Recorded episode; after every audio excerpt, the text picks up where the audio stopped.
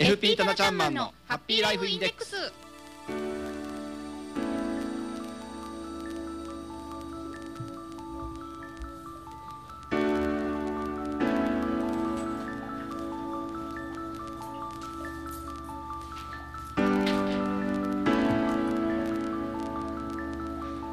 タナちゃんマンのハッピーライフインデックス。この時間はあなたの夢と未来をトータルサポートするライフサポート有限会社の提供でお送りします。私たちと一緒に明るい未来幸せな生活になるためのマネーライフを考えてみませんか？この番組ではあなたからの質問疑問を受け付けています。宛先は Amazon 専用メールアドレスまでお願いします。hama.p-wave.ne.jp ハマアットマーク p-wave.ne.jp です。本当に気軽にねお寄せください。お待ちしています。さあそれでは早速一級ファイナンシャルプランニング技能士ライフサポート有限会社代表のタナちゃんマンを呼んでみましょう。タナちゃんマン。はいこんにちは。棚橋です。今日は春らしい装いで、はいもう4月1日のスタートにぴったりな感じでねはい来ていただきました、はい。今シーズンもよろしくお願いします。願い。いたしますもうねタナちゃんマンとね私この番組を、えー、随分させていただいていて、はい。なんかね本当あの癒しの音楽をこう癒しっぽいんですけど癒されるんですよね。ありがとうございます。お話ししているだけでなんか人にそういう効果を与えるってね素晴らしいななんてありがとうございます、うん思っていたりするんですが、はい、さあこのハッピーライフインデックス、はい新しいこの新年度からもね、ね。にえー火曜日の2時台、はい。2時10分頃スタートの、はい。えー番組なんですけれども、はい。タナちゃんマンって、えー途中からね番組を聞いていただいた方とかは、はい。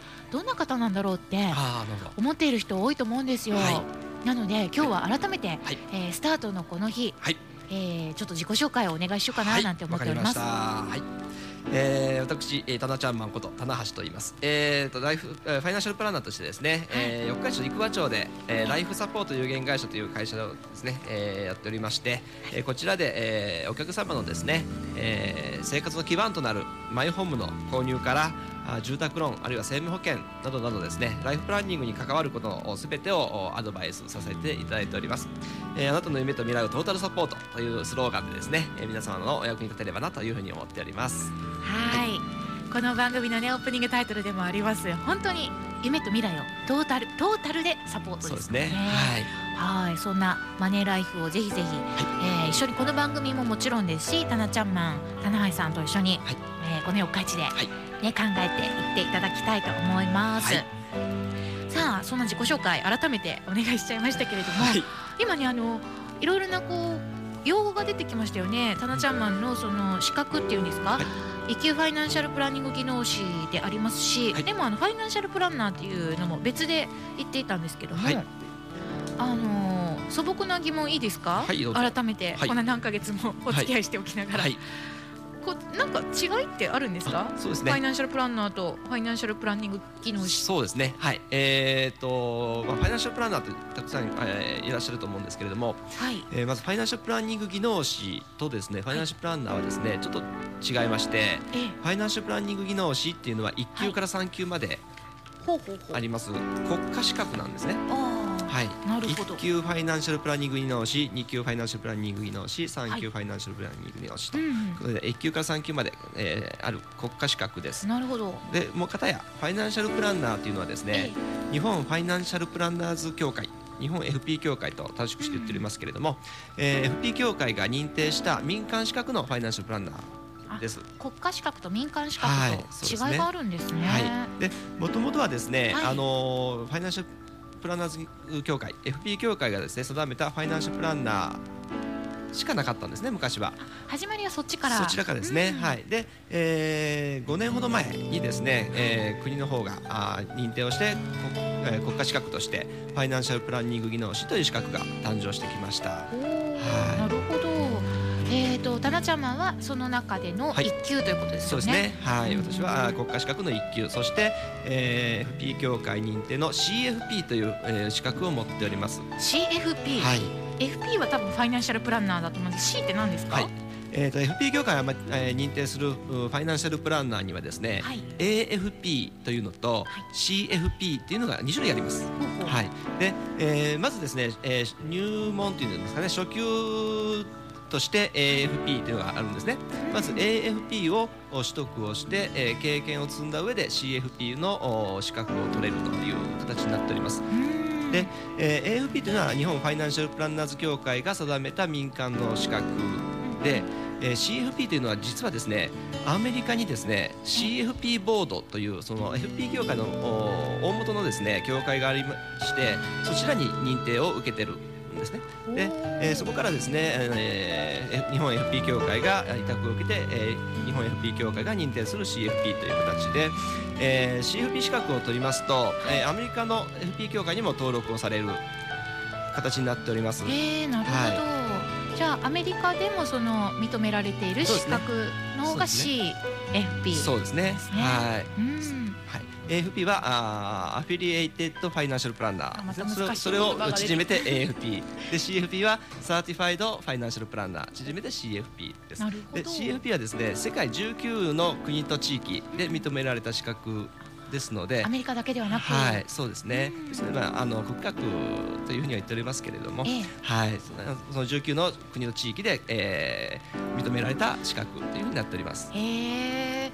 そんないろいろなこう区分とかねそうですね。違いがあるんですね。はい。ちなみに全国でですねファイナンシャルプランナーと言われる方、まあ、AFP 以上ですね AFP、はい。あるいは CFP をもですね、えー全国で、えー約15万人強いらっしゃいます、たくさんの方がそうですね。結構いらっしゃるんですね。はい、そのうち CFP が約1万5千人ぐらい。あ、ずいぶんこそうですね。うギュッと、はい、もう10%ぐらいしかいらっしゃらない。本当ですね。はい、わですね。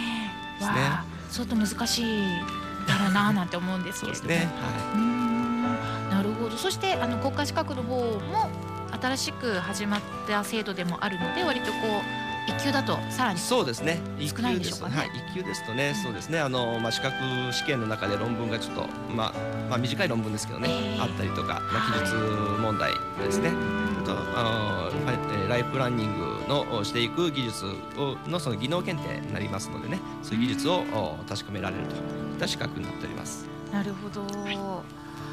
棚橋さん、あのすごい人なんですね。いやそんなことないです。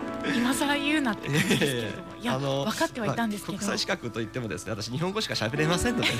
いや日でも。本国内でしかあの活動できませんので。通訳つければそのね中身からこう出てくるものっていうのはね国際的に通じる。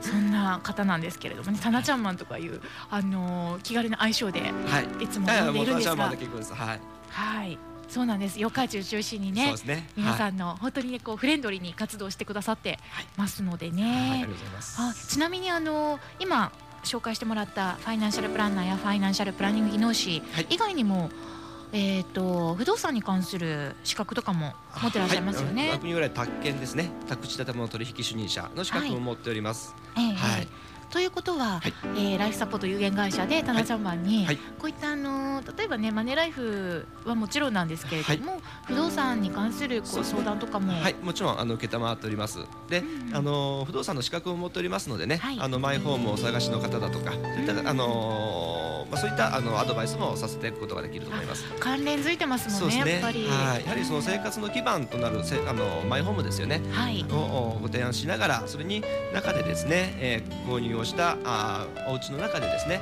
えーより楽しく将来に向かってですね、えー幸せな暮らしをしていただくためにということで、えー総合的に、えートータルサポートするというんうん形でですね、あのお提案をさせていただいております。頼もしいですね。はい、四日市の生桑町にありますけれどもね。はいえっ、とこう道路を走っていますと結構わかりやすいですよね。看板出てますしそうですね。はい、あの生桑町のあのサイゼリアさん。のあるね、交差点のおちょうど交差点の角にありますのでね。うんうんうんはいすごいねあのオープンな感じで、はいこうパッと見た目でもあのクローズな感じだと入りづらいんですよねこういう場所って。はいええでもあ立ち寄りやすいななんてあありがとうございます私も思いました。はいありがとうございます。はい。さあそんなタナちゃんマンなんですけれどもね、この番組毎週火曜日も登場してもらうんですが、はいえっと月に何回かセミナーもやってくださってますよね。はい、えー毎月ですね第1土曜日と第3土曜日にはいセミナーをやっております。第一土曜日ということは次の5日のはい、日にそうですね4月のあります5日のね。日はいはい。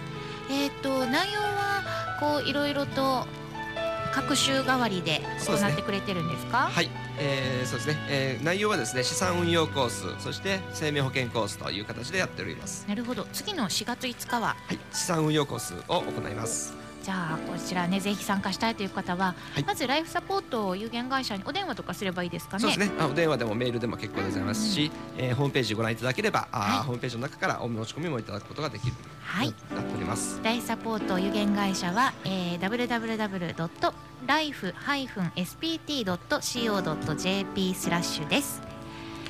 さあ今日は改めて自己紹介などしていただきました、FP タナちゃんマンのハッピーライフインデックス。来週も、えーぜひね皆さん聞いてください。この時間はあなたの夢と未来をトータルサポートするライフサポート有限会社の提供で浜園サテライトスタジオからお送りしました。それではまた来週、どうもありがとうございました。失礼いたします。